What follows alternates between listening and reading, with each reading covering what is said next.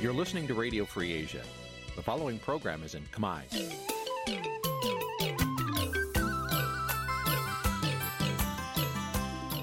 នេះជាកម្មវិធីផ្សាយ Vuthu Azizi Serai នេះជាកម្មវិធីផ្សាយរបស់ Vuthu Azizi Serai ជាភាសាខ្មែរ Vuthu Azizi Serai សូមស្វាគមន៍លោកអ្នកនាងទាំងអស់ពីរដ្ឋធានី Washington នៃសហរដ្ឋអាមេរិក។ ពីរដ្ឋធានី Washington ខ្ញុំបាទមុងណារ៉េតសូមជម្រាបសួរលោកនាងកញ្ញាអ្នកស្ដាប់វិទ្យុអាស៊ីសេរីទាំងអស់ជាទីមេត្រីយើងខ្ញុំសូមជូនកម្មវិធីផ្សាយសម្រាប់ព្រឹកថ្ងៃអង្គារ8រោចខែស្រាប ឆ្នាំឆ្លូវត្រីស័កពុទ្ធសករាជ2565ត្រូវនឹងថ្ងៃទី31ខែសីហាគ្រិស្តសករាជ2021បាទជាដំបូងនេះសូមអញ្ជើញលោកនាងកញ្ញាស្ដាប់ព័ត៌មានប្រចាំថ្ងៃដែលមានមេត្តាដូចតទៅ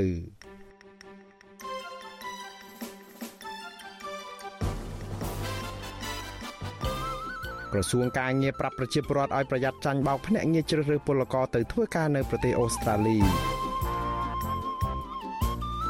មន្ត្រីសុខាភិបាលម្នាក់ដែលចាក់វ៉ាក់សាំងរួច2ដូសស្លាប់ដោយសារតែជំងឺ Covid-19 ពលរដ្ឋរស់នៅរាជធានីភ្នំពេញនិងតាមបណ្ដាខេត្តមួយចំនួនជាប់ផុងបញ្ហាបំណុលនៅក្នុងស្ថានភាពនៃវិបត្តិជំងឺ Covid-19 បទវិភាគអំពីថាតើការដែលអ្នកធំធំនិយមផ្ចង់ផ្ដើមកូនឲ្យកាន់តំណែងជាន់ខ្ពស់នៅក្នុងរាជការមានផលប៉ះពាល់យ៉ាងណាចំពោះសង្គមជាតិរួមនឹងព័ត៌មានផ្សេងផ្សេងមួយចំនួនទៀតបច្ចុប្បន្នតទៅទៀតនេះខ្ញុំបាទមួងណារ៉េតសូមជូនព័ត៌មានទាំងនេះពឺស្ដាបាទលោកអ្នកស្ដាប់ជាទីមេត្រីក្រសួងការងារនិងបណ្ដុះបណ្ដាលវិជ្ជាជីវៈប្រមានប្រជាពលរដ្ឋឲ្យប្រុងប្រយ័ត្នចំពោះក្រុមហ៊ុនជ្រើសរើសពលករខ្មែរឲ្យធ្វើការនៅប្រទេសអូស្ត្រាលី ការប្រមានបែបនេះធ្វើឡើងស្របពេលដែលរដ្ឋាភិបាលកម្ពុជាកំពុងចរចាជាមួយនឹងរដ្ឋាភិបាលអូស្ត្រាលីនៅឡើយដើម្បីឲ្យប្រទេសអូស្ត្រាលីទទួលយកពលករខ្មែរទៅធ្វើការនៅប្រទេសនេះក្រោមទិដ្ឋាការប្រភេទកសិកម្មអូស្ត្រាលីសេចក្តីជូនដំណឹងរបស់ក្រសួងការងារកាលពីថ្ងៃទី30ខែសីហាម្សិលមិញនេះ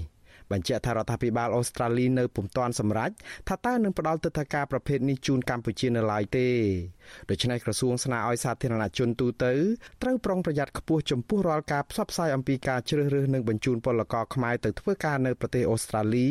ដោយទីភ្នាក់ងារជ្រើសរើសឬក៏អង្គភាពណាមួយ ទោះជាយ៉ាងណាក្រសួងការងារមិនបានបញ្ជាក់អំពីចំណាត់ការផ្លូវច្បាប់ណាមួយជាក់លាក់ប្រឆាំងទៅនឹងក្រុមហ៊ុនជ្រើសរើសពលករខ្មែរណាមួយនៅឡើយទេក្រសួងដដាលគូបញ្ជាក់ថាក្រសួងការងារគឺជាក្រសួងមានសមត្ថកិច្ចនៅក្នុងការគ្រប់គ្រងលើការបញ្ជូនពលករខ្មែរទៅធ្វើការនៅបរទេសដោយធ្វើកិច្ចសហការជាមួយនឹងក្រសួងនិងស្ថាប័នពាក់ព័ន្ធ បើតាមក្រសួងការងារថ្មីថ្មីនេះរដ្ឋាភិបាលអូស្ត្រាលីបានប្រកាសអំពីការបង្កើតទឹកតការកសិកម្មអូស្ត្រាលីដើម្បីឆ្លើយតបទៅនឹងកង្វះខាតកម្លាំងពលកម្មនៅក្នុងវិស័យកសិកម្មនៅក្នុងប្រទេសរបស់ខ្លួនបច្ចុប្បន្ននេះរដ្ឋាភិបាលអូស្ត្រាលីកំពុងតែពិភាក្សាទ្វេភាគីអំពីការផ្តល់ទឹកតការប្រភេទនេះជាមួយបណ្ដាប្រទេសជាដៃគូនានានៅក្នុងនោះក៏រួមមានទាំងកម្ពុជាផងដែរ។ កន្លងទៅពលករចំណាក់ស្រុកខ្មែរមិនតិចអ្នកទេបានចាញ់បោកមេខ្យល់ឬក៏ក្រុមហ៊ុនឯកជនដែលប្រកាសជ្រើសរើសពលករឲ្យទៅធ្វើការនៅបរទេសដូចជានៅប្រទេសថៃម៉ាឡេស៊ីប្រទេសកូរ៉េប្រទេសចិនប្រទេសជប៉ុនឬក៏អារ៉ាប់រួមជាដើម ជាធ្នូនឹងការសន្យាថានឹងទទួលបានប្រាក់ឈ្នួលខ្ពស់ឬជីវភាពទូធា ក៏ប៉ុន្តែពួកគេទាំងនោះជាញឹកញាប់ទទួលរងនឹងការខាត់បងប្រាក់កាសពេលវេលានិងខ្លះត្រូវប្រឈមនឹងគ្រោះថ្នាក់ដល់សុខភាព និងជីវិតថែមទៀតផងដោយសារតែធ្វើការខុសច្បាប់គ្មានលិខិតស្នាមនៅប្រទេសគេហើយនឹងដោយសារតែអំពើជួញដូរមនុស្សការកេងប្រវ័ញ្ចកម្លាំងពលកម្មឬអំពើទាសភាពសម័យទំនើបជាដើម អាញាធរដ្ឋាភិបាលកម្ពុជារងការរិះគន់ថាអសមត្ថភាពនៅក្នុងការដោះស្រាយបញ្ហាទាំងនេះដោយសារតែក្រុមហ៊ុនជ្រើសរើសពលករមួយចំនួនជាប់សង្ស័យថាមានភាគហ៊ុនរបស់មន្ត្រីជាន់ខ្ពស់នៅក្នុងជួររដ្ឋាភិបាលបាឡូននាងជាទីមេត្រីអ្នកជំងឺ Covid-19 ចំនួន11អ្នកទៀតបានស្លាប់ដោយធ្វើឲ្យករណីស្លាប់ដោយសារតែជំងឺនេះកើនឡើងដល់ទៅជិត1900នាក់ នៅក្នុងចំណោមអ្នកស្លាប់នេះមានបុគ្គលិកសុខាភិបាលម្នាក់បម្រើការនៅមន្ទីរពេទ្យបង្អែកខេត្តប្រស័យអនុដែលបានស្លាប់ដោយសារជំងឺនេះកាលពីយប់ថ្ងៃទី29ខែសីហាអ្នកនាំពាក្យក្រសួងសុខាភិបាលអ្នកស្រីយុសម្បត្តិថ្លែងប្រាប់កាសែតនៅក្នុងស្រុកថាអ្នកគ្រូពេទ្យវ័យ28ឆ្នាំរូបនេះឈ្មោះអឹមស្រីនេះគាត់បានឆ្លងជំងឺ Covid-19 និងបានសម្រាប់ព្យាបាលនៅក្នុងមន្ទីរពេទ្យខេត្តប្រស័យអនុមួយរយៈក៏ប៉ុន្តែដោយសារតែស្ថានភាពជំងឺវិវត្តធ្ងន់ធ្ងរទើបគេបញ្ជូនអ្នកគ្រូពេទ្យរូបនេះ មកព្យាបាលនៅមណ្ឌលព្យាបាលជំងឺ Covid-19 ព្រីមៀសែនសុកបានរយៈពេល2ថ្ងៃក៏ទទួលមរណភាពតែម្ដងកញ្ញាស្រីនេះកាលនៅរស់បានបង្ហោះសារកាលពីថ្ងៃទី23ខែកុម្ភៈអមដោយរូបភាពរបស់កញ្ញានឹងបានសម្គាល់ថាបានចាក់វ៉ាក់សាំងទាំងពីរដូសរួចទៅហើយភាគច្រើនលើសលប់នៃវ៉ាក់សាំងដែលបានចាក់ជូនប្រជាពលរដ្ឋខ្មែរគឺជាវ៉ាក់សាំងរបស់ចិនអ្នកប្រើប្រាស់បណ្ដាញសង្គម Facebook មួយចំនួននាំគ្នាបង្ហោះសារចូលរួមសោកស្ដាយនិងរំលែកទុក្ខនាងប្រងព្រាត ចំពោះករណីឆ្លងវិញ មានជាង400អ្នកកាលពីថ្ងៃទី30ខែសីហាម្សិលមិញនៅក្នុងនោះ90អ្នកជាករណីនាំចូលពីក្រៅប្រទេស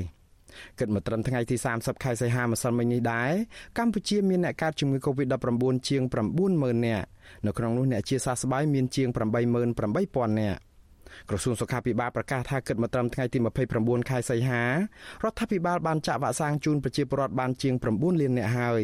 នៅក្នុងចំណោមអ្នកដែលត្រូវចាក់វ៉ាក់សាំងសរុប10លាននាក់ចំណែកឯកុមារនិងយុវជនដែលមានអាយុចាប់ពី12ឆ្នាំដល់17ឆ្នាំវិញក្រសួងប្រកាសថាចាក់វ៉ាក់សាំងបានជាង1លាន4សែននាក់នៅក្នុងចំណោមអ្នកដែលត្រូវចាក់វ៉ាក់សាំងសរុបជិត2លាននាក់ បាទលោកនាងជាទីមេត្រីប្រជាពលរដ្ឋនៅរាជធានីភ្នំពេញនិងតាមបណ្ដាខេត្តមួយចំនួនដង្ហើយសុំកិច្ចអន្តរាគមន៍បន្ទាន់មួយពីរដ្ឋាភិបាល ដើម្បីសម្រាលទុកវេទនារបស់ពួកគាត់ដែលខ្វះប្រាក់បង្វិលសងធនាគារនិងមីក្រូហិរញ្ញវត្ថុដោយសារតែវិបត្តិនៃជំងឺ Covid-19 ក្រមប្រជាពលរដ្ឋទាំងនោះបាត់បង់ការងារនិងប្រាក់ចំណូលជិត2ឆ្នាំមកហើយហើយពួកគាត់កំពុងតែប្រឈមការទីបំណុលដល់ផ្ទះពីមន្ត្រីអនុទានដែលផ្ដល់ប្រាក់កម្ចីនេះបាទលោកលេងម៉ាលីមានសេចក្តីរាយការណ៍លម្អិតជំវិញព័ត៌មាននេះ ពលរដ្ឋរស់នៅរាជធានីភ្នំពេញនិងខេត្តមួយចំនួនបន្តអំពាវនាវឲ្យធនាគារមីក្រូហិរញ្ញវត្ថុនិងស្ថាប័នផ្ដល់ប្រាក់កម្ចីនានាមេត្តាយោគយល់ដោយស្មារតីមនុស្សធម៌ព្រោះក្នុងពេលផ្ទុះជំងឺ Covid-19 ពួកគាត់មិនត្រឹមតែបាត់បង់ប្រភពចំណូលនោះទេសូម្បីតែរបស់ហូបចុកប្រចាំថ្ងៃក៏ខ្វះខាតដែរពលរដ្ឋរស់នៅស្រុកអង្គរធំខេត្តសៀមរាបលោកសៀមវ៉ាន់ឲ្យដឹងនៅថ្ងៃទី30សីហាថា គ្រួសារលោកបានខ្ចីប្រាក់ពីធនាគារជាង10000ដុល្លារត្រូវបង់សងទាំងដើមទាំងការជិត1លានរៀលក្នុងមួយខែមួយខែប្រាក់ទាំងនោះ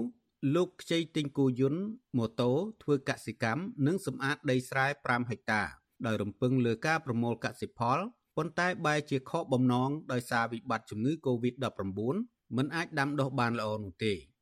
លោកថាកូនកូនរបស់លោក3នាក់បានបង្ខំចិត្តឈប់រៀនហើយធ្វើចំណាក់ស្រុកទៅប្រទេសថៃ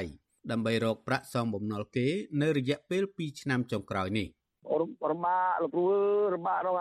អាយើងយឺទៅគេមុតអត់ប្រទេសសពថ្ងៃមិនបានទេតែយឺគេគេមុតអត់ប្រទេសលូមវគេចេះចុះរំបានកូនទលាក់មកនោះវាយ៉ាប់ណាគ្រូសន្តិភាពថាយ៉ាប់មែនទេគេអត់មានសន្ធូបន្ថយយើងទេគេបាទបានកូនទៅថៃទៅគោខេណាគោបានខេណាក៏យូរយទៅណាគេរយ៉ាប់ដែរប៉ះពាល់អាគូវិថៃដែរ បុរសដដែលបន្ថែមថាលោកធ្លាប់ធ្វើដំណើរទៅការិយាល័យមីក្រូហិរញ្ញវត្ថុដើម្បីស្នើសុំពន្យាពេលសងបំណុលឬធ្វើអនុទានឡើងវិញប៉ុន្តែមន្ត្រីអនុទានបដិសេធលោកថាជាញឹកញាប់ភ្នាក់ងារស្ថាប័នមីក្រូហិរញ្ញវត្ថុបានមកទារលុយដល់ផ្ទះនៅគ្រាដែលលោកសងប្រាក់យឺតយ៉ាវ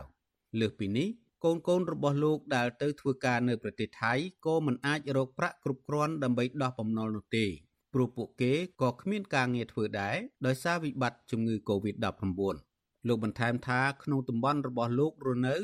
មានអ្នកភូមិ4គ្រួសារហើយបានរត់ចោលស្រុកដោយសារគ្មានប្រាក់សងម្ចាស់បំណុលស្រដៀងគ្នានេះដែរពលរដ្ឋម្នាក់ទៀតរស់នៅស្រុកថ្លាបរិវត្តខេត្តស្ទឹងត្រែងលោកឋានវ៉នថ្លែងថា គ្រួសារលោកជំពាក់បំណុលមីក្រូហិរញ្ញវត្ថុជាង4000ដុល្លារតែគេអនុញ្ញាតឲ្យពន្យាពេលសង ឬធ្វើអនុទានឡើងវិញ ហើយតម្រូវឲ្យលោកបង់សងតែការប្រាក់ជាង20ម៉ឺនរៀលក្នុងមួយខែមួយខែប៉ុន្តែបច្ចុប្បន្នលោកថាសូម្បីតែសងការប្រាក់ក៏យ៉ាប់យ៉ឺនដែរព្រោះគ្មានការងារធ្វើវាហូបពីពិបាកទៅទៀតណានេះណាពិបាកចេះរកខ្ចីគេតែឥឡូវរកខ្ចីណាណាម្នាក់ម្នាក់ដកកទួលទៅពោះហើយនេះសំបីតាអ្នកលក់វ៉ាន់លក់អីវ៉ាន់ចាប់ហួយក្នុងភូមិក៏អត់មានអីលក់ដែររឿងថ្ងៃហើយបើមានអីលក់ក៏ពិបាកនឹងចូលទិញដែរចុះទេលេឡើងហើយរឿងថ្ងៃនៅទៅក្នុងចំការដូចគេជិបពុក ចំណែកពលរដ្ឋម្នាក់ទៀតរស់នៅរាជធានីភ្នំពេញលោកស្រីកៅយេតនិយាយថាស្ថាប័នផ្ដល់ប្រាក់កម្ចីបានអនុញ្ញាតឲ្យគ្រួសារលោកស្រីធ្វើអនុទានឡើងវិញដោយសងតែការប្រាក់ក្នុងមួយខែជាង300ដុល្លារប៉ុន្តែបច្ចុប្បន្ននេះគ្រួសារលោកស្រីនៅតែមិនអាចរកប្រាក់សមម្ចាស់បំណុលបានដោយសារគ្មានប្រភពចំណូលនិងអត់ការងារធ្វើលោកស្រីថាតំបន់លោកស្រីរស់នៅអាជ្ញាធរបានបិទគប់ជាញឹកញាប់មិនអាចធ្វើដំណើរចេញក្រៅទៅរកការងារធ្វើបានទេ ហើយនេះក៏ជាបន្ទុកបន្ថែមទៀតរុញច្រានឲ្យជីវភាពកាន់តែយ៉ាប់យ៉ឺនខ្លាំងលោកស្រីអំពាវនាវឲ្យស្ថាប័នផ្ដល់ប្រាក់កម្ចីពន្យាពេលសងប្រាក់ទាំងការទាំងដើមមួយរយៈខ្លីសិនដើម្បីសម្រាលការលំបាករបស់ពួកគាត់ នោះពួកខ្ញុំក៏បិទស្តុបដែរដល់ពេលគាត់បិទស្តុបហើយនៅក្នុងតំបន់លឿងអញ្ចឹងវាបើកច្រកពុកវាគេមកប្រងនាំគ្នាភ្នែកនៅចឹងក៏រលុយមិនបានអីមិនបានមួយមួយតែនៅតែអញ្ចឹងលោកគ្រូនៅតែប្រវេបវាបងតែរហូតអញ្ចឹងទៅទៅលក់តិចលក់ទីអស់ហើយលោកគ្រូហើយវិទ្យុអស៊ីសេរីមិនអាចតាក់ទងសុំការបំភ្លឺរឿងនេះពីអគ្គនាយកបច្ចេកទេសធនាគារជាតិអ្នកស្រីជាសេរីបាននៅឡើយទេ នៅថ្ងៃទី30សីហា ចំណែកអ្នកនាំពាក្យក្រសួងសេដ្ឋកិច្ចនិងហិរញ្ញវត្ថុលោកមាសសុកសេនសានបដិសេធបំភ្លឺរឿងនេះព្រោះលោកថាកំពុងជាប់រវល់ចំណែកអ្នកនាំពាក្យរដ្ឋាភិបាលលោកផៃស៊ីផាន មាន ប្រសាសន៍ថាគោលការណ៍ខ្ចីបុលជាការទទួលខុសត្រូវរៀងៗខ្លួនរបស់វិស័យឯកជនលោកថារដ្ឋាភិបាលគ្មានសិទ្ធិលូកដៃចូលរួមសាច់រឿងនេះទេ ហើយស្ថាប័នជំនាញបានបង្កើនគោលការណ៍មួយធ្វើយ៉ាងណាឲ្យមានការយោគយល់គ្នាផ្ដល់ដំណោះស្រាយដោយភាពទន់ភ្លន់ យ៉ាងម៉េចបើសិនជាយើងជាប់ដែរនៅក្នុងតំបន់ក្រហមឬយើងកើតជំងឺ Covid គេមានរយៈពេលមិនឲ្យយើងបង់អាក្នុងប្រមាណថ្ងៃប្រមាណថ្ងៃគេមានលក្ខណៈរបស់គេណាមានតែយើងខូចតែយើងថាអត់ចង់បង់ទេអត់ចោលស្រុកមកព្រោះតែអត់ចោលស្រុកគេចោលឲ្យដីធ្លីរបស់យើងអាហ្នឹងវានឹងទៅពីព្រោះគេមានកម្មវិធីសម្រាប់ជួបជជែកគ្នាបាទប៉ុន្តែអ្នកនាំពាក្យសមាគមមីក្រូហិរញ្ញវត្ថុលោកកាំងតុងងីមាន ប្រសាសន៍ថាប្រសិនបើអតិថិជន ពិតជារងផលប៉ះពាល់ដោយសារជំងឺ Covid-19 សមាជិកសមាគមរបស់លោកទាំង115ស្ថាប័ននឹងរៀបចំអនុទានឡើងវិញជូនអតិថិជន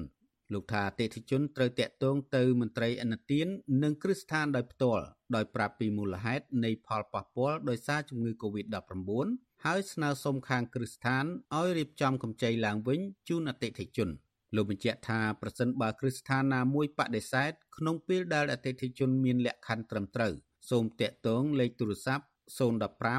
31 52និង222 ជាការអនុវត្តសមាគមបានតាមដាន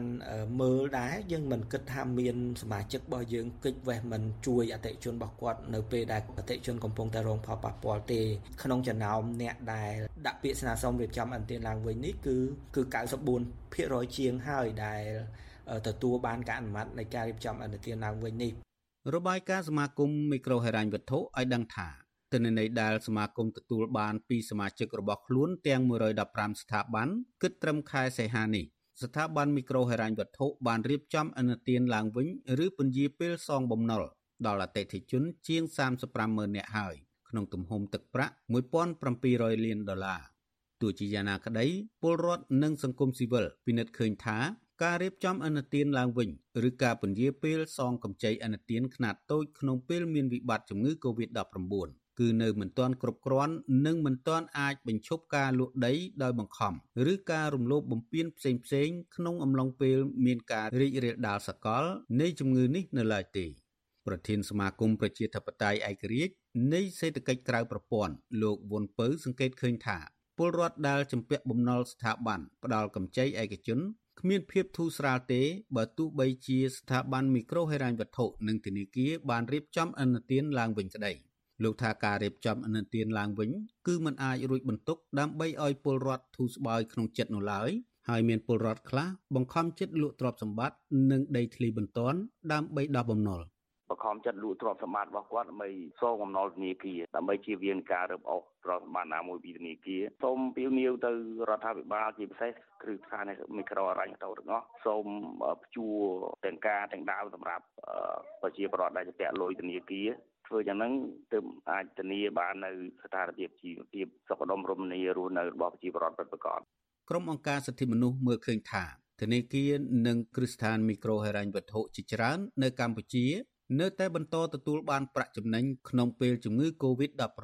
កំពុងរាតត្បាតខណៈដែលអ្នកខ្ចីប្រាក់រាប់សែននាក់បានបាត់បង់ប្រាក់ចំណូលហើយប្រជាពលរដ្ឋកំពុងជួបការលំបាកក្នុងការបន្តជីវិតរស់នៅ ចាប់តាំងពីឆ្នាំ2019មក អង្គការ Liga do និងអង្គការសិទ្ធិមនុស្សដៃគូមួយចំនួនទៀតបានចេញផ្សាយជាសាធារណៈនៅរបាយការណ៍ចំនួន3លើករួចមកហើយដើម្បីបង្ហាញពីការរំលោភសិទ្ធិមនុស្សក្នុងវិស័យមីក្រូហិរញ្ញវត្ថុនិងអំពាវនាវដល់រដ្ឋាភិបាលឲ្យចាត់វិធានការដោះស្រាយទុក្ខលំបាករបស់ប្រជាពលរដ្ឋអង្គការសង្គមស៊ីវិលបញ្ជាក់ថាប្រជាពលរដ្ឋកម្ពុជាដែលជាអ្នកខ្ចីប្រាក់គួរមានសិទ្ធិទទួលបានការអនុគ្រោះ បើពុំនោះទេបញ្ហាបំណុលនេះនឹងនាំឲ្យប្រជាពលរដ្ឋជាច្រើន បន្តប្រឈមភាពអត់ឃ្លាន ពលកម្មកុមារការធ្វើចំណាក់ស្រុក ការលួចដីដោយបង្ខំនិងការរំលោភសិទ្ធិមនុស្សជាច្រើនទៀតខ្ញុំបាទលេងម៉ាលីវិទ្យុអស៊ីសេរីរាយការណ៍ពីរដ្ឋធានី Washington បាទលោកនាងជាទីមេត្រីលោកនាងកំពុងតែស្ដាប់ការផ្សាយរបស់វិទ្យុអស៊ីសេរីផ្សាយចេញពីរដ្ឋធានី Washington សហរដ្ឋអាមេរិក ក្រុមមន្ត្រីធំធំនៅក្នុងជួររដ្ឋាភិបាលត្រួសត្រាយផ្លូវឲ្យកូនកូនកាន់តំណែងធំនៅក្នុងជួររដ្ឋាភិបាលតែការដែលអ្នកធំធំផ្ចង់ផ្ដើមកូនឲ្យកាន់តំណែងខ្ពស់នៅក្នុងរាជការមានផលប៉ះពាល់យ៉ាងណាចំពោះសង្គមជាតិសូមលោកនាង រងចាំស្ដាប់បទវិភាគជំរឿងនេះនៅក្នុងការផ្សាយរបស់យើងនាពេលបន្តិចទៀតនេះបាទសូមអរគុណ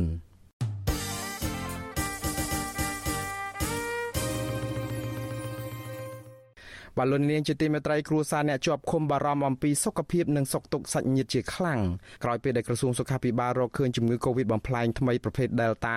ឆ្លងលើអ្នកជាប់ឃុំនៅក្នុងពន្ធនាគារអាជ្ញាធរពន្ធនាគារអះអាងថាអ្នកជាប់ឃុំនៅពន្ធនាគារខេត្តបន្ទាយមានជ័យ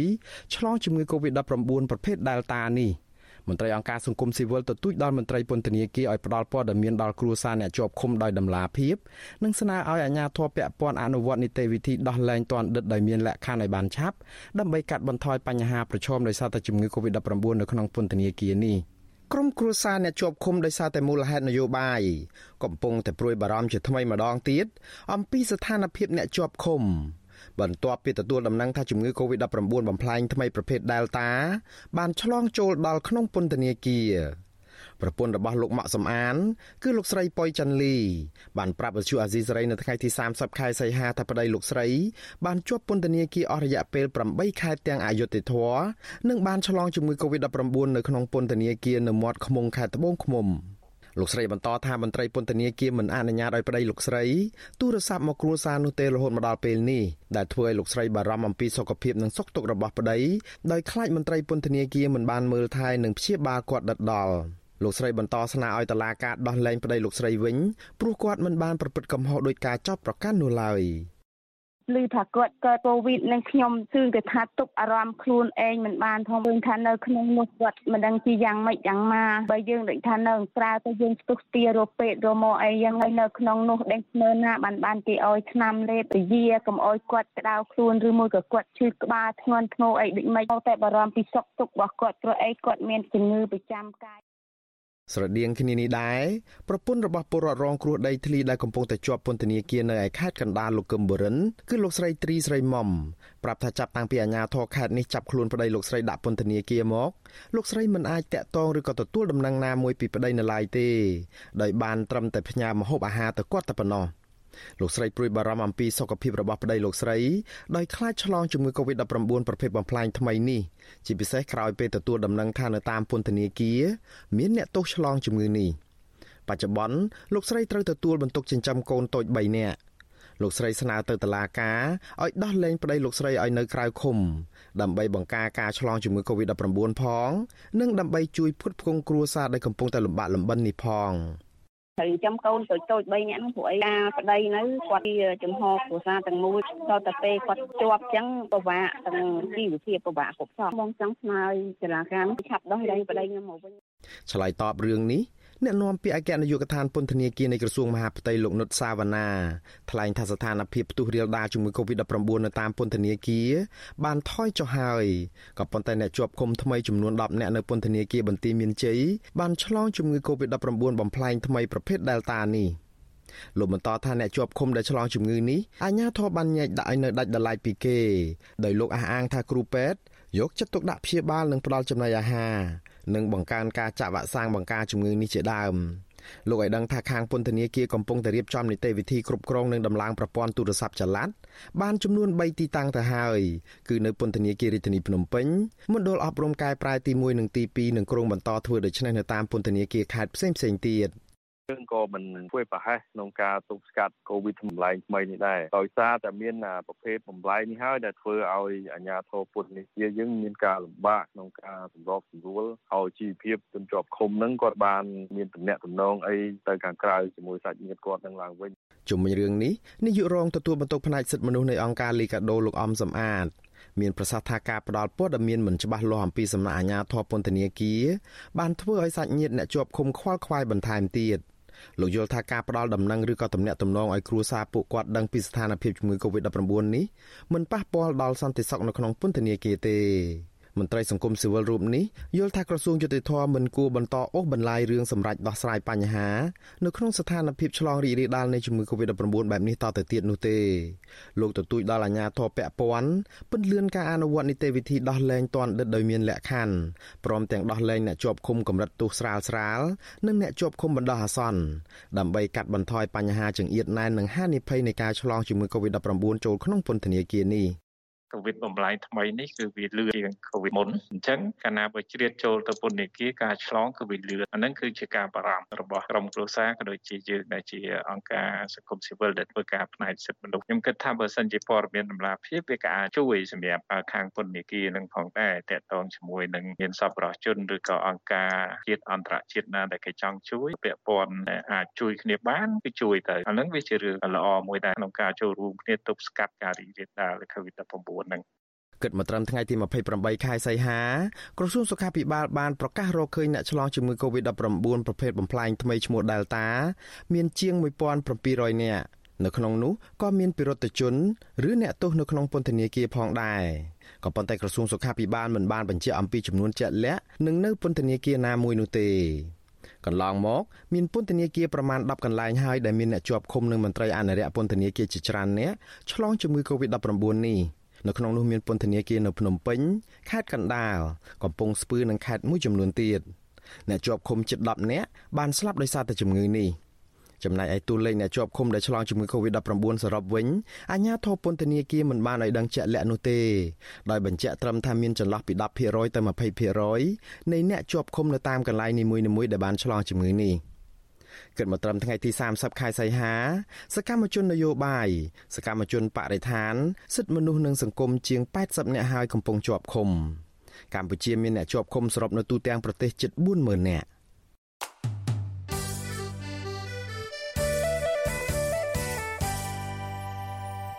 បលូននាងជាទីមេត្រីលោកនាងក៏អាចស្ដាប់ការផ្សាយរបស់វិទ្យុអាស៊ីសេរីនេះ ដំណើរគ្នានឹងការផ្សាយតាមបណ្ដាញសង្គម Facebook និង YouTube នេះដែរគឺតាមរយៈរលកធាតុអាកាសខ្លីឬក៏ Short Wave ពេលព្រឹកចាប់ពីម៉ោង5កន្លះដល់ម៉ោង6កន្លះតាមរយៈរលកធាតុអាកាសខ្លី9940 kHz ស្មើនឹងកម្ពស់ 30m ពេលយប់ចាប់ពីម៉ោង7កន្លះដល់ម៉ោង8កន្លះតាមរយៈរលកធាតុអាកាសខ្លី9960 kHz ស្មើនឹងកម្ពស់ 30m និង11240 kHz ស្មើនឹងកម្ពស់ 25m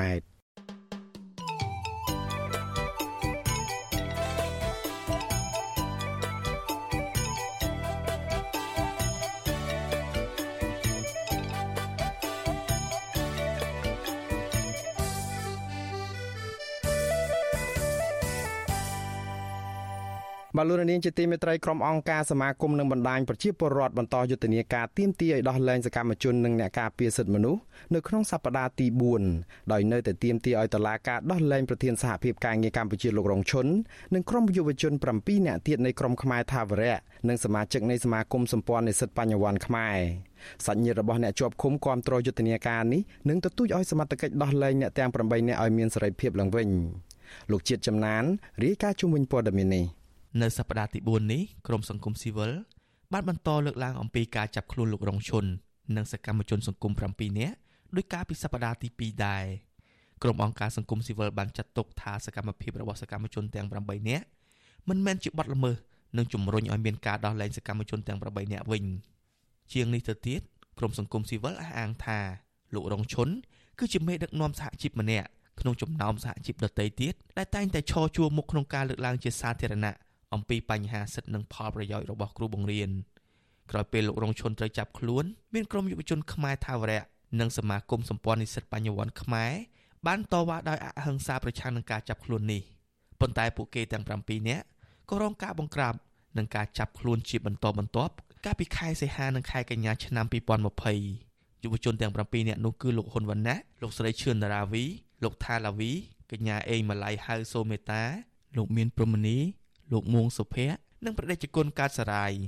សមត្ថកិច្ចបានឃុំខ្លួនពួកគាត់បណ្ដោះអាសន្នក្នុងពន្ធនាគារមួយឆ្នាំហើយក្រោមបទចោទញុះញង់ឲ្យមានភាពវឹកវរធ្ងន់ធ្ងរដល់សង្គមក្រុមអង្គការសង្គមស៊ីវិលព្រួយបារម្ភថាប្រសិនបើតុលាការផ្តន្ទាទោសដាក់ពន្ធនាគារលើសកម្មជនទាំងអស់តើអ្នកណានឹងបន្តសកម្មភាពនិយមរបស់ពួកគាត់ដើម្បីសិទ្ធិផលប្រយោជន៍គ្រូបង្រៀននិងបញ្ហាសង្គមតទៅទៀតសង្គមស៊ីវិលក៏បន្តស្នើសុំឲ្យពលរដ្ឋ ចូលរួមចែករំលែករូបភាពរបស់សកម្មជនទាំង8នាក់ដើម្បីគ្រប់គ្រងនិងលើកទឹកចិត្តដល់សកម្មភាពដែលជាប្រយោជន៍របស់ពលរដ្ឋនិងសង្គមកម្ពុជាអ្នកគ្រប់គ្រងកម្មវិធីសិទ្ធិការងារនៃមជ្ឈមណ្ឌលសម្ព័ន្ធភាពការងារនិងសិទ្ធិមនុស្សហៅកាត់ថាសង្ត្រាល់លោកខុនតារ៉ូបញ្ជាក់ថាក្រមសង្គមស៊ីវិលរក្សាជំហរទៀមទាឲ្យដោះលែងសកម្មជន និងអ្នកការពារសិទ្ធិមនុស្សលុះត្រាតែមានដំណោះស្រាយ តំណាងសង្គមស៊ីវិលរូបនេះលើកទឹកចិត្តឲ្យសមត្ថកិច្ចដោះលែងសកម្មជននិងអ្នកការពារសិទ្ធិមនុស្សទាំងអស់ឲ្យមានសេរីភាពឡើងវិញដើម្បីឲ្យពួកគាត់អាចបន្តសកម្មភាពជួយសង្គមបន្តទៀតបាន។ការអំពាវនាវជំរុញទៅរាជរដ្ឋាភិបាលដើម្បីមានការដោះលែងជាបន្ទាន់នឹងទម្លាក់ការចោលកាន់ហើយដើម្បីពួកគាត់នឹងអាចមានលទ្ធភាពនៅក្នុងការអនុវត្តនៅការងារដែលគាត់រាប់បានបំពេញហើយនឹងបន្តនៅការងារដែលគាត់បានអនុវត្តដើម្បីលើកទឹកចិត្តជំរុញឲ្យយុវជននិងសកម្មជនផ្សេងៗទៀតគាត់អាចចូលរួមឲ្យបានទូលំទូលាយ ប៉ុន្តែភាគីរដ្ឋាភិបាលមិនចាប់អារម្មណ៍នឹងយុទ្ធនាការឬការទិទានអំពីបញ្ហាសិទ្ធិមនុស្សទាំងឡាយនៅកម្ពុជាឡើយដោយអះអាងថាជាសមត្ថកិច្ចរបស់តុលាការអ្នកនាំពាក្យនឹងជាសមាជិកគណៈកម្មាធិការសិទ្ធិមនុស្សកម្ពុជាលោកកតាអនសង្កេតឃើញថាយុទ្ធនាការរយៈពេល4សប្តាហ៍នេះមិនបានផ្ដល់ផលប្រយោជន៍ដល់អ្នកជាប់ឃុំនោះទេដំណើររដ្ឋាភិបាលរុំនេះអះអាងថាពលរដ្ឋជាច្រើនសុទ្ធតែអាចធ្វើសកម្មភាពដោយសេរីកុំឲ្យតែមានចេតនាល្មើសច្បាប់ មិនមែនចាំបាច់តែក្រុមសកម្មជនទាំង8នាក់នោះទេ ដោយអង្គការសង្គមស៊ីវិលពិនិត្យមើលផងណាថាតើ4សប្តាហ៍មកនេះអ្វីដែលគាត់បានធ្វើវាបានផលប្រយោជន៍អ្វីខ្លះដល់អ្នកដែលកំពុងក្នុងដំណាត់ការតុលាការនោះឬមួយក៏វាបានប្រយោជន៍ទៅលើអង្គការនឹងទៅវិញអញ្ចឹងសូមពិនិត្យពិចារណាហ្នឹងឲ្យបានច្បាស់ថាតើយើងធ្វើដើម្បីអ្នកដែលស្ថិតនៅក្នុងចំណាត់ការតុលាការឬមួយក៏យើងធ្វើនៅក្នុងកម្មវិធីផ្សេងដើម្បីប្រយោជន៍អង្គការខ្លួនដើម្បីបញ្ហាឬមួយប្រយោជន៍របស់អ្នកណាផ្សេងទោះជាយ៉ាងណាសាច់ញាតិរបស់ក្រុមសកម្មជនសង្គម បានគ្រប់គ្រងយុទ្ធនាការនេះនិងទទូចឲ្យមានការដោះលែងកូនចៅរបស់ពួកគាត់មកវិញម្ដាយរបស់សកម្មជនសង្គមលោកស្រីឈឿនដារាវីគឺលោកស្រីថាច់ធីតាអាងថាកូនរបស់លោកស្រីនិងយុវជនដទៃទៀតគ្មានបំណងញុះញង់អ្វីឡើយលោកស្រីគ្រប់គ្រងចំពោះយុទ្ធនាការរបស់សង្គមស៊ីវិល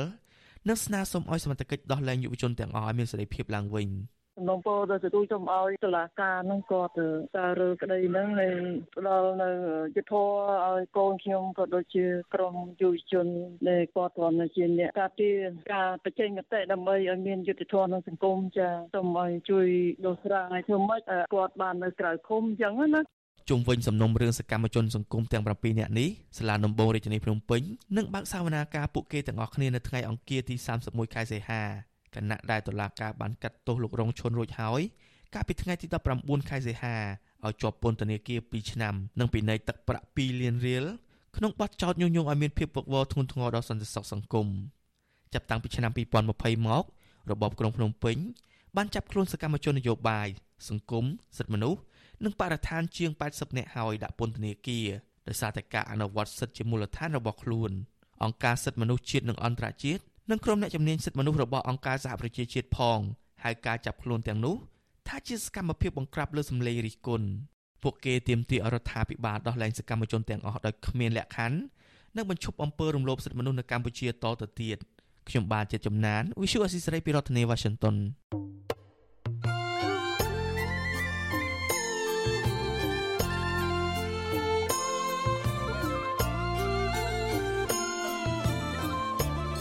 បាទលោកនាងជាទីមេត្រីលោកនាងកំពុងតែស្ដាប់ការផ្សាយរបស់វិទ្យុអាស៊ីសេរីផ្សាយចេញពីរដ្ឋធានី Washington សហរដ្ឋអាមេរិកនៅក្នុងឱកាសនេះដែរខ្ញុំបាទសូមថ្លែងអំណរគុណដល់លោកនាងកញ្ញាទាំងអស់ដែលតែងតែមានភក្ដីភាពចំពោះការផ្សាយរបស់យើងហើយចាត់ទុកការស្ដាប់វិទ្យុអាស៊ីសេរីជាផ្នែកមួយនៃសកម្មភាពប្រចាំថ្ងៃរបស់លោកនាង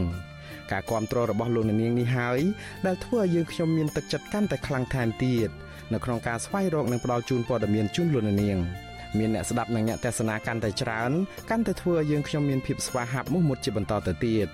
យើងខ្ញុំសូមអរគុណទុកជាមុនហើយក៏សូមអញ្ជើញលោកនាងកញ្ញាចូលរួមជំរុញឲ្យសកម្មភាពផ្តល់ព័ត៌មានរបស់យើងនេះកាន់តែជោគជ័យបន្ថែមទៀតលោកនាងអាចជួយយើងខ្ញុំបានដោយគ្រាន់តែចុចចែករំលែកឬក៏ Share ការផ្សាយរបស់យើងនៅតាមបណ្ដាញសង្គម Facebook និង YouTube ទៅកាន់មិត្តភ័ក្តិដើម្បីឲ្យការផ្សាយរបស់យើងបានទៅដល់មនុស្សកាន់តែច្រើនបាទសូមអរគុណ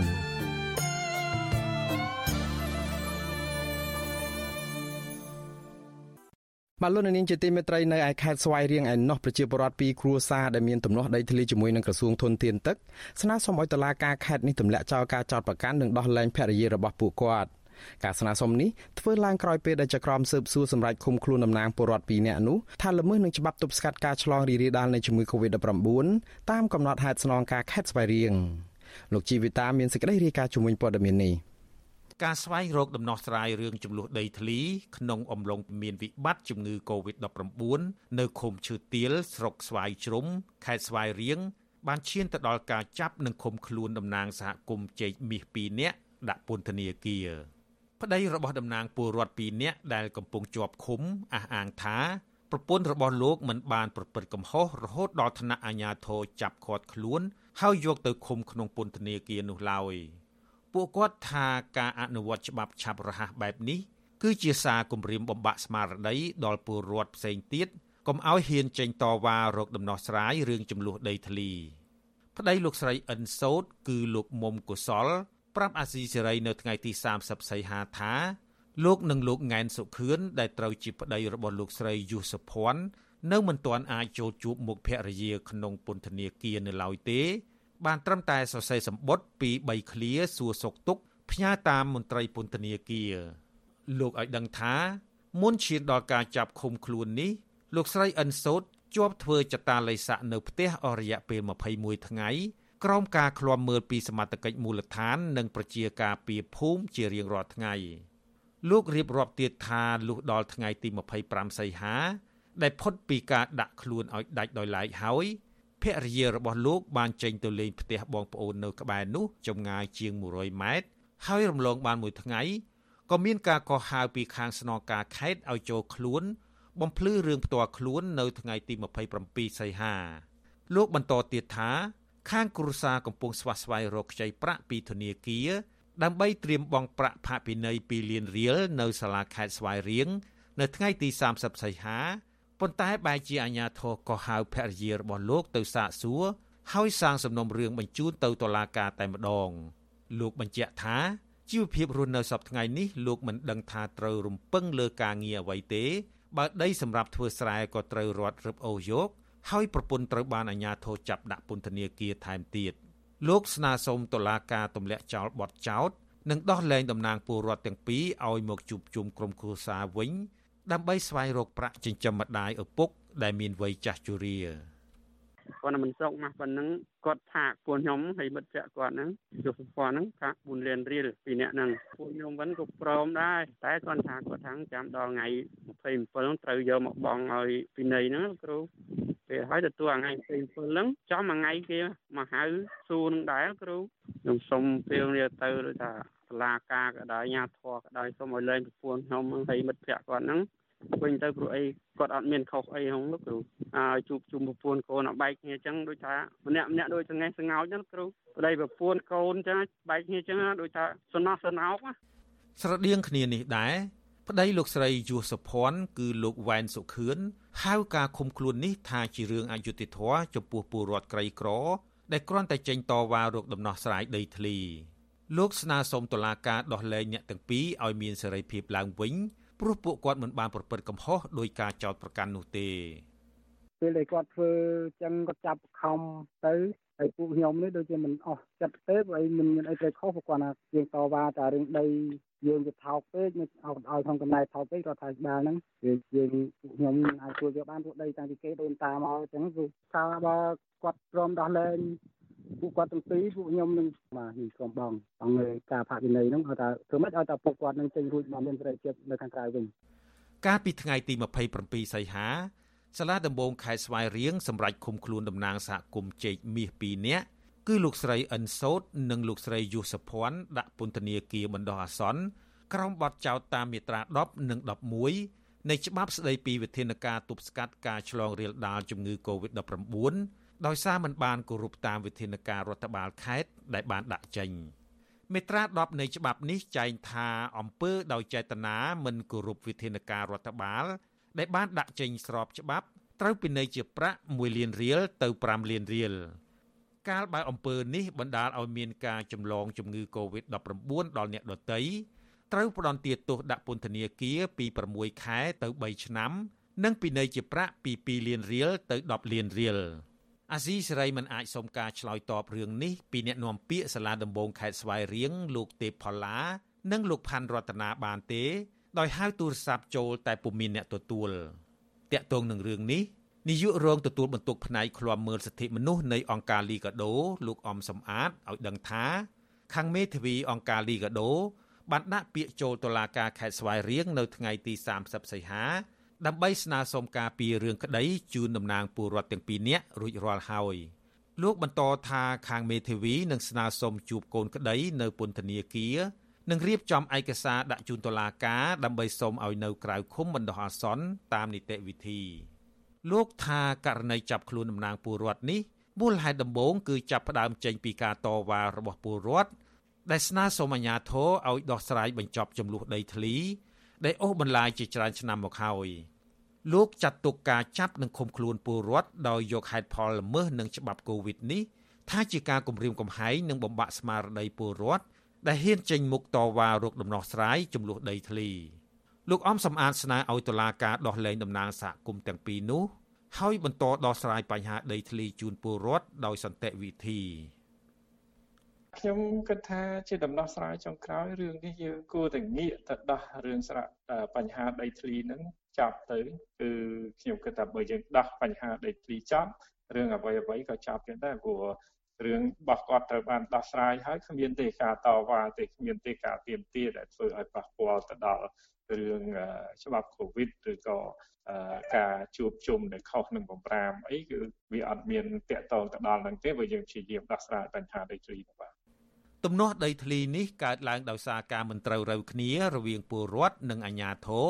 ជុំវិញសំណងលើគម្រោងសាងសង់អាងទឹកពលរដ្ឋជាង100គ្រួសារដែលរស់នៅអាស្រ័យផលធ្វើស្រែលើដីសរុបជាង100ហិកតា តាំងពីឆ្នាំ1979នោះបានស្នើសុំអាជ្ញាធរខេត្តស្វាយរៀងនិងក្រសួងធនធានទឹកបដូរគោលនយោបាយផ្ដល់សំណងឲ្យពលរដ្ឋពី900រៀលក្នុង1ម៉ែត្រការ៉េ ទៅ12000រៀលឬ3ដុល្លារក្នុង1ម៉ែត្រការ៉េប៉ុន្តែអាជ្ញាធរមិនយល់ព្រមតាមសំណើរបស់ប្រជាពលរដ្ឋនោះឡើយក្រមប្រជាពលរដ្ឋមានចំនួនដីធ្លី ស្នើឲ្យតុលាការដោះលែងតំណាងពួកគាត់ត្រឡប់មកផ្ទះវិញនិងទទូចឲ្យអាជ្ញាធរខេត្តស្វាយរៀងរកដំណោះស្រាយទំនាស់ដីធ្លីនេះដោយសន្តិវិធីស្របតាមច្បាប់ខ្ញុំជីវិតាអាស៊ីសេរី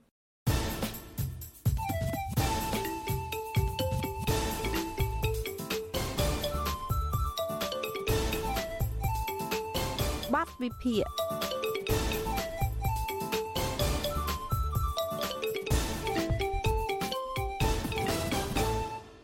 បាទលោកនាងជាទីមេត្រីក្រមមន្ត្រីធំធំនៅក្នុងជួររដ្ឋាភិបាលកំពុងតែត្រួសត្រាយផ្លូវឲ្យកូនកូនកាន់តំណែងធំធំនៅក្នុងជួររដ្ឋាភិបាលបន្តវេនពីពួកគាត់តើការដែលអ្នកធំធំផ្ចង់ផ្ដើមកូនឲ្យកាន់តំណែងជាន់ខ្ពស់នៅក្នុងរាជការនេះមានផលប៉ះពាល់យ៉ាងណាខ្លះចំពោះសង្គមជាតិបាទលោកមានរិទ្ធសូមជូនបទវិភាគមួយអំពីបញ្ហានេះ រដ្ឋធម្មនុញ្ញកម្ពុជាមាត្រា47ចែងថាមេដាបេដាគ្រប់រូបមានកាតព្វកិច្ចចិញ្ចឹមបីបាច់ថែរក្សានិងអប់រំកូនឲ្យក្លាយទៅជាពលរដ្ឋល្អបែបតាមមេត្រានៃច្បាប់នេះឪពុកម្ដាយនៅក្នុងសង្គមគ្រួសារខ្មែរចិញ្ចឹមបីបាច់ថែរក្សាកូនមិនមែនគ្រាន់តែជាសិលធម៌ប៉ុណ្ណោះទេក៏ប៉ុន្តែអំពើនេះត្រូវកំណត់ដោយច្បាប់តែម្ដង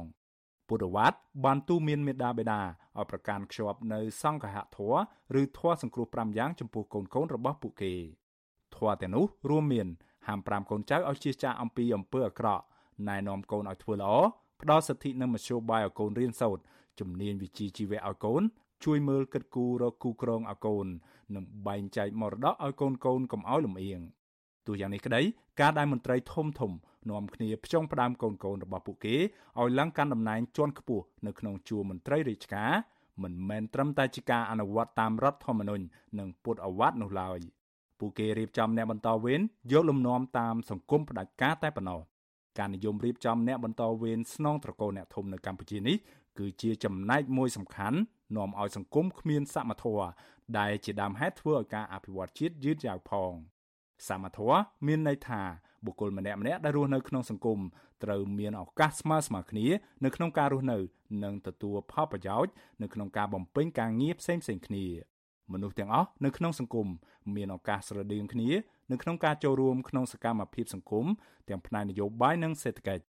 កាលណាសមត្ថៈកាន់តែទូលំទូលាយដំណើរការកាត់បន្ថយភាពក្រីក្រនៃសង្គមជាតិក៏ដើរលឿនតាមនោះដែរសង្គមខ្មែរគ្មានឡើយសមត្ថៈកូនអ្នកធំបានឱកាសធំរីឯកូនអ្នកខ្សត់ខ្សោយខ្វះឱកាសនឹងរងនៅការរំលោភបំពានថែមទៀតផងក្នុងវិស័យនយោបាយ យុវជនគណៈបកប្រជាជនកម្ពុជា ដែលមានម៉ែឪចាំជួយជ្រោមជ្រែងពួកគេនិងបកពូឲ្យឡើងកាន់តំណែងធំធំធ្វើសកម្មភាពនយោបាយបានយ៉ាងទូលំទូលាយពួកគេបង្កើតជារចនាសម្ព័ន្ធអង្គការសមាគមជួយឃោសនាបម្រើឲ្យបកនិងលើកមុខមាត់គ្រួសារទៀតផងផ្ទុយទាំងស្រុងពីសកម្មភាពរបស់យុវជនគណៈបកប្រជាជនកម្ពុជានេះសកម្មជនយុវជនភៀកគីជំទាស់តែងទទួលរងនៅអំពើហិង្សានិងការគំរាមកំហែងពីគ្រប់រូបភាព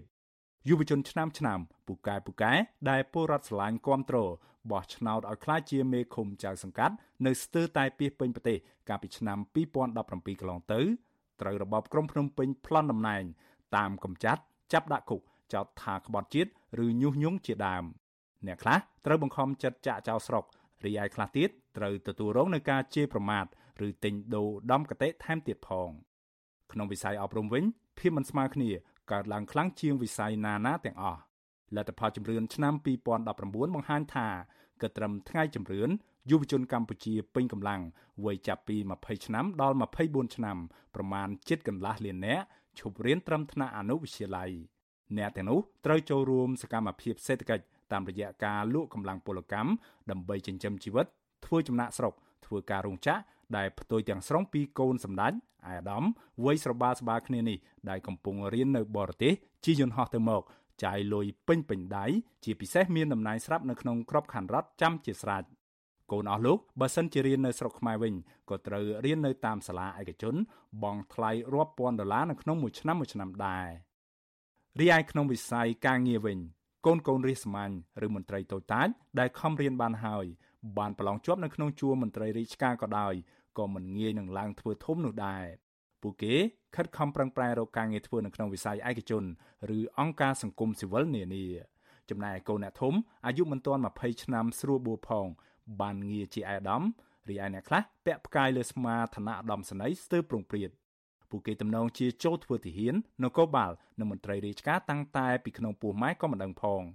ជាការប៉ុណ្ណាកូនកូនរបស់អស់លោកអ្នកធំទាំងនោះ ប្រកាសជាមានឱកាសអប់រំខ្ពស់ជាងយុវជនទាំងឡាយដែលរៀនមិនជាប់ឌីប្លូមក៏ប៉ុន្តែមិនមែនមានន័យថាកូនអ្នកធំឆ្លាត ឬខួធំរៀនបានច្រើននោះឡើយគឺគ្រាន់តែមជ្ឈដ្ឋានទាំងពីរនេះមានឱកាសខុសគ្នាតែប៉ុណ្ណោះលោកនាយរដ្ឋមន្ត្រីហ៊ុនសែនបានលើកបន្ទប់ឲ្យកូនប្រុសទាំង3ឡើងកាន់តំណែងកម្ពូលកម្ពូលនៅក្នុងផ្ទៃប្រទេសហ៊ុនម៉ាណែតជាអគ្គបញ្ជាការកងទ័ពជើងគោកហ៊ុនម៉ាណីជាតំណាងរាស្ត្រ រីឯហ៊ុនម៉ាណិតគឺជាបញ្ជាការអង្គភាពចារកម្មយោធាកូនលោកសៃឈុំវិញកាន់តំណែងជារដ្ឋមន្ត្រីកូនលោកសខេងកាន់តំណែងជារដ្ឋលេខាធិការនិងឧត្តមសេនីយ៍កូនលោកទាបាញ់កាន់តំណែងចៅហ្វាយខេត្តកូនលោកទាវិញកាន់តំណែងជាអគ្គបញ្ជាការរងកងទ័ពជើងទឹកបន្ទាប់ពីឪពុកកូនលោកអោមយន្តទៀងកាន់តំណែងជាមន្ត្រីជាន់ខ្ពស់នៅក្នុងអង្គភាពប្រឆាំងអំពើពុករលួយជាមួយឪពុកជាដើមឡាវិសមភាពមួយទៀត គឺសិទ្ធិទទួលបានផលកំណើនពីសេដ្ឋកិច្ចអាគារខ្ពស់ឡានទំនើបក្រុមហ៊ុនបង្កើតថ្មីថ្មីប្រងព្រាតទាំងនេះសុទ្ធសឹងតែជាផលនៃកំណើនសេដ្ឋកិច្ចនៅក្នុងរយៈពេល10ឆ្នាំជាប់គ្នារបស់កម្ពុជាកូនអ្នកធំខ្លាចជាវាគ្មិនបង្ហាញពីភាពជាអ្នកដឹកនាំជីវិតជោគជ័យនិងសរសើរពីកំណើនសេដ្ឋកិច្ចហើយអគុណសន្តិភាពរីឯមនុស្សពេញកម្លាំងរាប់លាននាក់បែរជាកាត់គេកាត់ខ្មាស់ទៅរកស៊ីធ្វើការលក់កម្លាំងពលកម្មនៅស្រុកគេ ពលករខ្មែរជិត2លាននាក់កំពុងធ្វើការនៅប្រទេសថៃពេលជំងឺ Covid-19 វាលុកបង្កឲ្យយុវជនខ្មែររាប់ម៉ឺននាក់ខ្វះការងារធ្វើ ខ្វះអាហារហូបចុកខ្លះត្រូវដេកស្លាប់នៅស្រុកគេខ្លះឆ្លងវាលចំការមីនត្រឡប់ចូលប្រទេសវិញទាំងដែលមានជំងឺជាប់ខ្លួនខណៈកូនអ្នកធំកាន់តែរីកមុខមាត់តាមកញ្ចក់ទូរទស្សន៍ក្នុងពេលចុះចាយអំណោយម្ដងម្ដង ទំហំក្រីក្រនៅកម្ពុជាអាចនឹងកាន់តែរីកធំ អ្នកនៅគៀកនឹងក្រីក្រក៏ធ្លាក់ចូលទៅក្នុងស្ថានភាពក្រីក្ររីឯអ្នកក្រីក្រធ្លាក់ចូលក្នុងស្ថានភាពអត់ឃ្លានចំនួនមនុស្សក្នុងក្រុមអ្នកក្រីក្រនិងអ្នករស់នៅគៀកក្រសរុបប្រមាណជិត8លាននាក់ស្ថាប័នហិរញ្ញវត្ថុធំធំរួមមានធនាគារពិភពលោកស្ថាប័នរូបិយវត្ថុអន្តរជាតិធនាគារអភិវឌ្ឍអាស៊ីសុទ្ធតែផ្ដល់អនុសាសន៍ឲ្យកម្ពុជាបង្កើតនៅបរិយាកាសល្អប្រសើរសម្រាប់ការវិនិយោគ ជំរុញការបង្កើតថ្មីនិងវិនិយោគឲ្យបានខ្លាំងក្លាលើវិស័យអប់រំក៏ប៉ុន្តែរហូតមកទល់ពេលនេះរដ្ឋាភិបាលកម្ពុជា នៅតែប្រកាសថាខ្លួនខ្វះធនធានមនុស្ស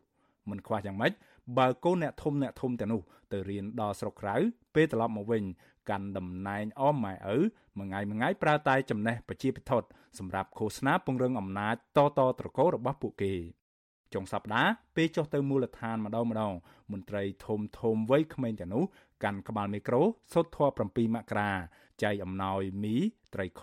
អង្ករហើយទាមទារឲ្យរាជដឹងគុណនិងអាលខ្លួនបានកាន់អំណាចរាប់ចំនួនការកាន់តំណែងតកូនរៀងរៀងខ្លួន នៅក្នុងស្ថាប័នរដ្ឋនេះហើយគឺជារបៀបដែលក្រុមអ្នកកាន់អំណាចនៅកម្ពុជានាំគ្នាហែកចែកគ្នានៅក្នុងប្រទេសដែលពួកគេក្តាប់ក្តាប់ កូនកូនរបស់ពួកគេកាន់តំណែងសំខាន់នៅក្នុងជួររាជការនេះមានបន្តគ្នាចុះពីលើដល់ក្រមស្ទើរគ្រប់ស្ថាប័នទាំងអស់រាប់ពីខុទ្ទកាល័យនាយករដ្ឋមន្ត្រីរហូតដល់សាលាស្រុកការរៀបចំបែបនេះហើយនាំឲ្យប្រព័ន្ធដឹកនាំរដ្ឋមិនសូវដំណើរការឬទន់ខ្សោយប្រព័ន្ធដឹកនាំរដ្ឋមិនសូវដំណើរការនាំឲ្យសេដ្ឋកិច្ចមិនរីកចម្រើនសេដ្ឋកិច្ចជាតិមិនខ្លាំងជាមូលហេតុមួយនាំឲ្យការអភិវឌ្ឍជាតិយឺតយ៉ាវជាងគេ យ៉ាងណាក្តីប៉ះសិនបើកូនមន្ត្រីធំធំទាំងនោះរៀនសូត្រចេះដឹងពីក្រៅប្រទេសយកចំណេះដឹងទាំងនោះមកជួយបណ្ដុះបណ្ដាលជំនាញថ្មីថ្មីដល់យុវជននៅក្នុងប្រទេសឬជំរុញឲ្យឪពុកម្ដាយរបស់ពួកគេធ្វើការកែតម្រង់នានាពង្រឹងការគ្រប់ច្បាប់ បង្កើនប្រសិទ្ធភាពសេវាសាធារណៈបង្កើនគុណភាពអប់រំជាដើមនោះនោះប្រទេសជាតិនឹងរីកចម្រើនឆាប់រហ័សហើយពួកគេនឹងបានកសាងកេរ្តិ៍ឈ្មោះល្អចាជាប្រវត្តិសាស្ត្រ ក៏ប៉ុន្តែបើពួកគេនៅតែបន្តធ្វើរបៀបដូចសពថ្ងៃនេះវិញងារជាអ្នកបំផ្លាញជាតិជន់ផ្ដាច់ការជន់ពុករលួយនឹងនៅតែតាមលងបន្លាចត្រកូលរបស់ពួកគេរាប់ដំណតទៅមុខទៀតខ្ញុំបាទមេរិត Visual C ស្រីរាយការណ៍ពីរដ្ឋធានី Washington នេតិខ្មែរកម្ពុជាក្រោម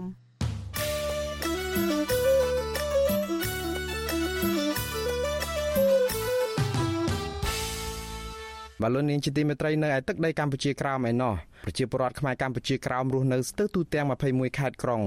នៅលើទឹកដីកំណើតរបស់ខ្លួនកំពុងតែដង្ហោយហៅឲ្យសប្បុរសជនផ្ដល់ជំនួយដល់ពួកគាត់នៅក្នុងពេលនៃការបិទគប់របស់រដ្ឋាភិបាលវៀតណាមដើម្បីការពារជំងឺ Covid-19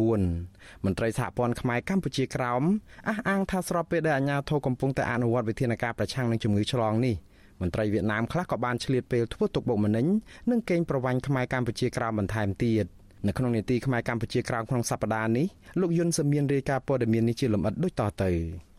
ខ្មែរកម្ពុជាក្រោមដែលត្រូវបានអាជ្ញាធរវៀតណាមបង្ខំឲ្យធ្វើចតាឡេសាកំពុងខ្វះស្បៀងអាហារបរិភោគនិងថវិកាដើម្បីដោះស្រាយបញ្ហាជីវភាពប្រចាំថ្ងៃពួកគេខ្លះថាអាញាធិបតេយ្យវៀតណាមបានបង្ខំឲ្យពួកគេទិញសម្ភារៈចាំបាច់ដែលមានតម្លៃថ្លៃជាង3ដងនៃតម្លៃធម្មតាក្នុងពេលនៃការបិទគប់ យុវជនខ្មែរក្រោមលោកតៅហ្វាងជើងរស់នៅខេត្តព្រះត្រពាំងប្រាប់វិទ្យុអសីសេរីកាលពីថ្ងៃទី28សីហាថា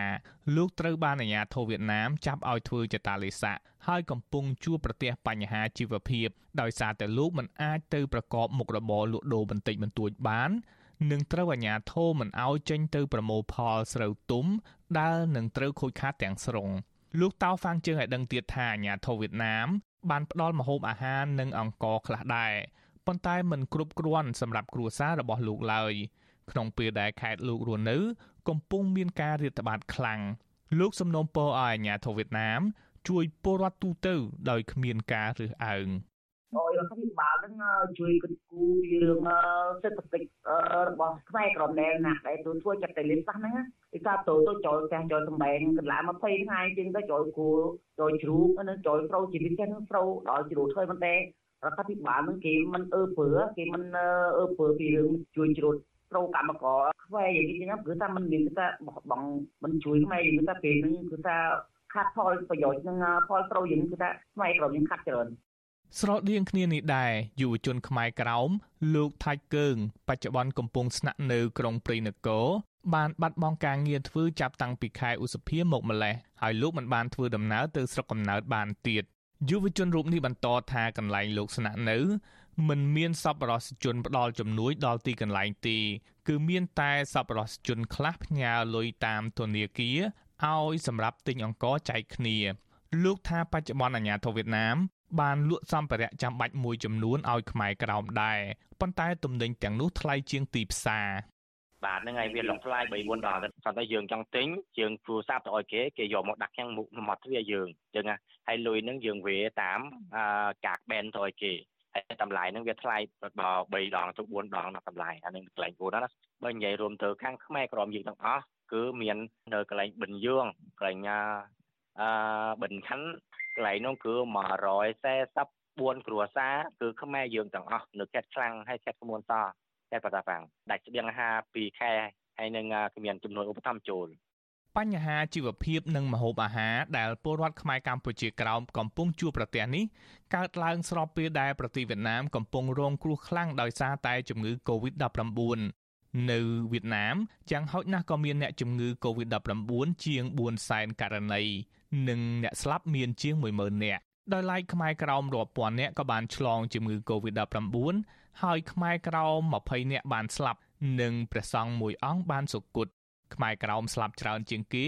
គឺនៅទីក្រុងព្រៃនគរ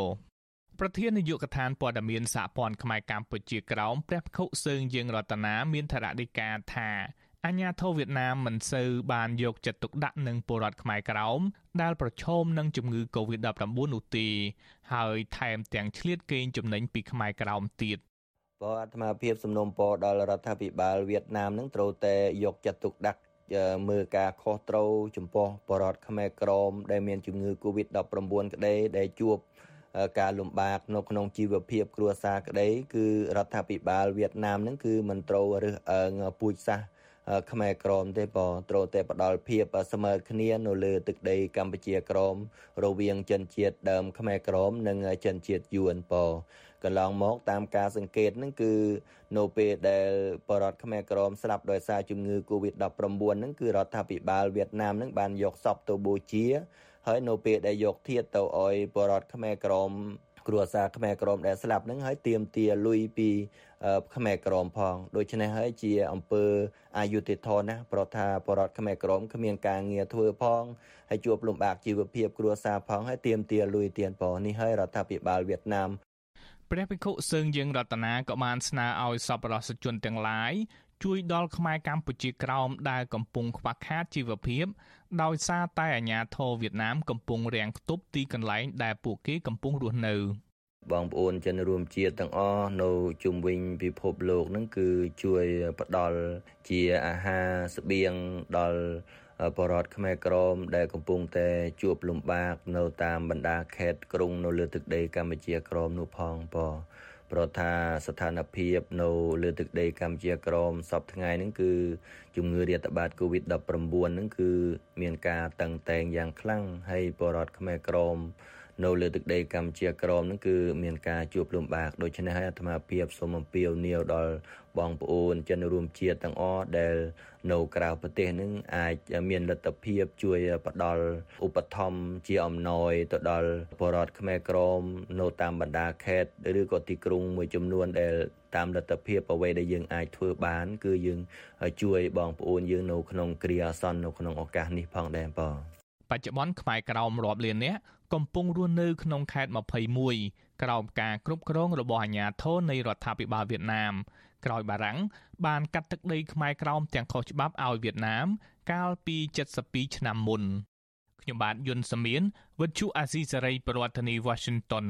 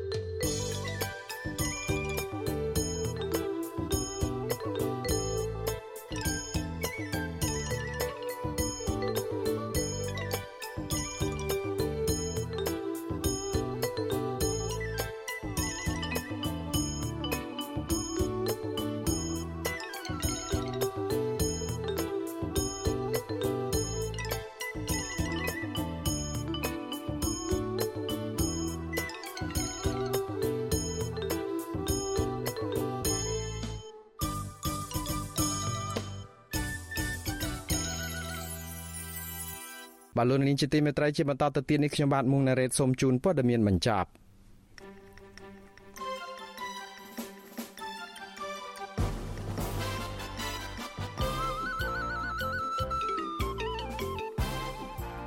ក្រសួងការងារនិងបណ្ដុះបណ្ដាលវិជ្ជាជីវៈព្រមានប្រជាពលរដ្ឋឲ្យប្រុងប្រយ័ត្នចំពោះក្រុមហ៊ុនជ្រើសរើសពលករខ្មែរទៅធ្វើការនៅប្រទេសអូស្ត្រាលីការព្រមាននេះធ្វើឡើងស្របពេលដែលរដ្ឋាភិបាលកម្ពុជាកំពុងតែចរចាជាមួយនឹងរដ្ឋាភិបាលអូស្ត្រាលីនៅឡើយដើម្បីឲ្យអូស្ត្រាលីទទួលយកពលករខ្មែរទៅធ្វើការនៅប្រទេសនេះក្រោមទឹកដីការប្រភេទកសិកម្មអូស្ត្រាលីអ្នកជំងឺ Covid-19 ចំនួន11អ្នកទៀតបានស្លាប់កាលពីថ្ងៃម្សិលមិញដែលធ្វើឲ្យករណីស្លាប់ដោយសារតែជំងឺនេះកើនឡើងដល់ជិត1900នាក់ នៅក្នុងចំណោមអ្នកស្លាប់នេះមានបុគ្គលិកសុខាភិបាលម្នាក់បម្រើការនៅមន្ទីរពេទ្យបង្អែកខេត្តប្រស័យអនុពលរដ្ឋរស់នៅរាជធានីភ្នំពេញនិងខេត្តមួយចំនួនដង្ហើយសុំកិច្ចអន្តរាគមន៍បន្ទាន់មួយពីរដ្ឋាភិបាលដើម្បីសម្រាលទុក្ខវេទនារបស់ពួកគាត់ដែលខ្វះប្រាក់បង្វិលសងធនាគារនិងមីក្រូហិរញ្ញវត្ថុដោយសារតែវិបត្តិជំងឺ Covid-19 ក្រុមពលរដ្ឋទាំងនោះបាត់បង់ការងារនិងប្រភពចំណូលជិត2ឆ្នាំមកហើយហើយពួកគាត់កំពុងតែប្រឈមការទារបំណុលដល់ផ្ទះពីមន្ត្រីអនុទានដែលផ្ដល់ប្រាក់កម្ចី គ្រួសារអ្នកជាប់ឃុំបារម្ភអំពីសុខភាពនិងសុខទុក្ខសាច់ញាតិជាខ្លាំងក្រោយពេលដែលក្រសួងសុខាភិបាលរកឃើញជំងឺ Covid បំផ្លែងថ្មីប្រភេទ Delta ឆ្លងលើអ្នកជាប់ឃុំនៅក្នុងពន្ធនាគារអាជ្ញាធរពន្ធនាគារអះអាងថាអ្នកជាប់ឃុំនៅពន្ធនាគារខេត្តបន្ទាយមានជ័យឆ្លងជំងឺ Covid-19 ប្រភេទ Delta នេះ មន្ត្រីអង្គការសង្គមស៊ីវិលទទូចដល់មន្ត្រីពន្ធនាគារឲ្យផ្ដល់ព័ត៌មានដល់គ្រួសារអ្នកជាប់ឃុំដោយដំឡាភាពនិងស្នើឲ្យអាជ្ញាធរពាក់ព័ន្ធអនុវត្តនីតិវិធីដោះលែងទាន់ដិតដោយមានលក្ខខណ្ឌឲ្យបានឆាប់ដើម្បីកាត់បន្ថយបញ្ហាប្រឈមដោយសារតែជំងឺ Covid-19 នៅក្នុងពន្ធនាគារនេះហេតុស្វ័យរៀងឯណោះប្រជាពលរដ្ឋពីគ្រួសារដែលមានទំនាស់ដីធ្លីជាមួយនឹងក្រសួងធនធានទឹកស្នើសុំឲ្យតុលាការខេត្តនេះទម្លាក់ចោលការចោទប្រកាន់និងដោះលែងភរិយារបស់ពួកគាត់ ការស្នើសុំនេះធ្វើឡើងក្រោយពេលដែលចក្រមស៊ើបសួរសម្រាប់ឃុំខ្លួនតំណាងពលរដ្ឋ2នាក់នោះថាល្មើសនឹងច្បាប់ទប់ស្កាត់ការឆ្លងរីករាលដាលនៃជំងឺ Covid-19 តាមកំណត់ហេតុស្នងការខេត្តស្វាយរៀង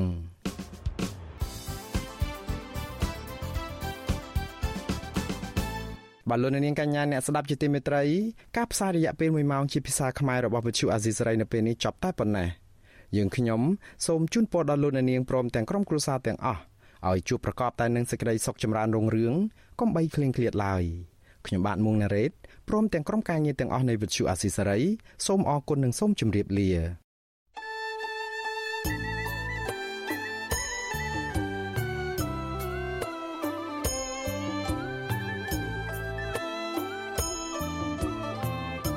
វិទ្យុអាស៊ីសេរីផ្សាយតាមរលក ធាតុអាកាសខ្លីឬ short wave តាមកម្រិតនិងកម្ពស់ដូចតទៅនេះ ពេលព្រឹកចាប់ពីម៉ោង5កន្លះដល់ម៉ោង6កន្លះតាមរយៈរលកធាតុអាកាសខ្លី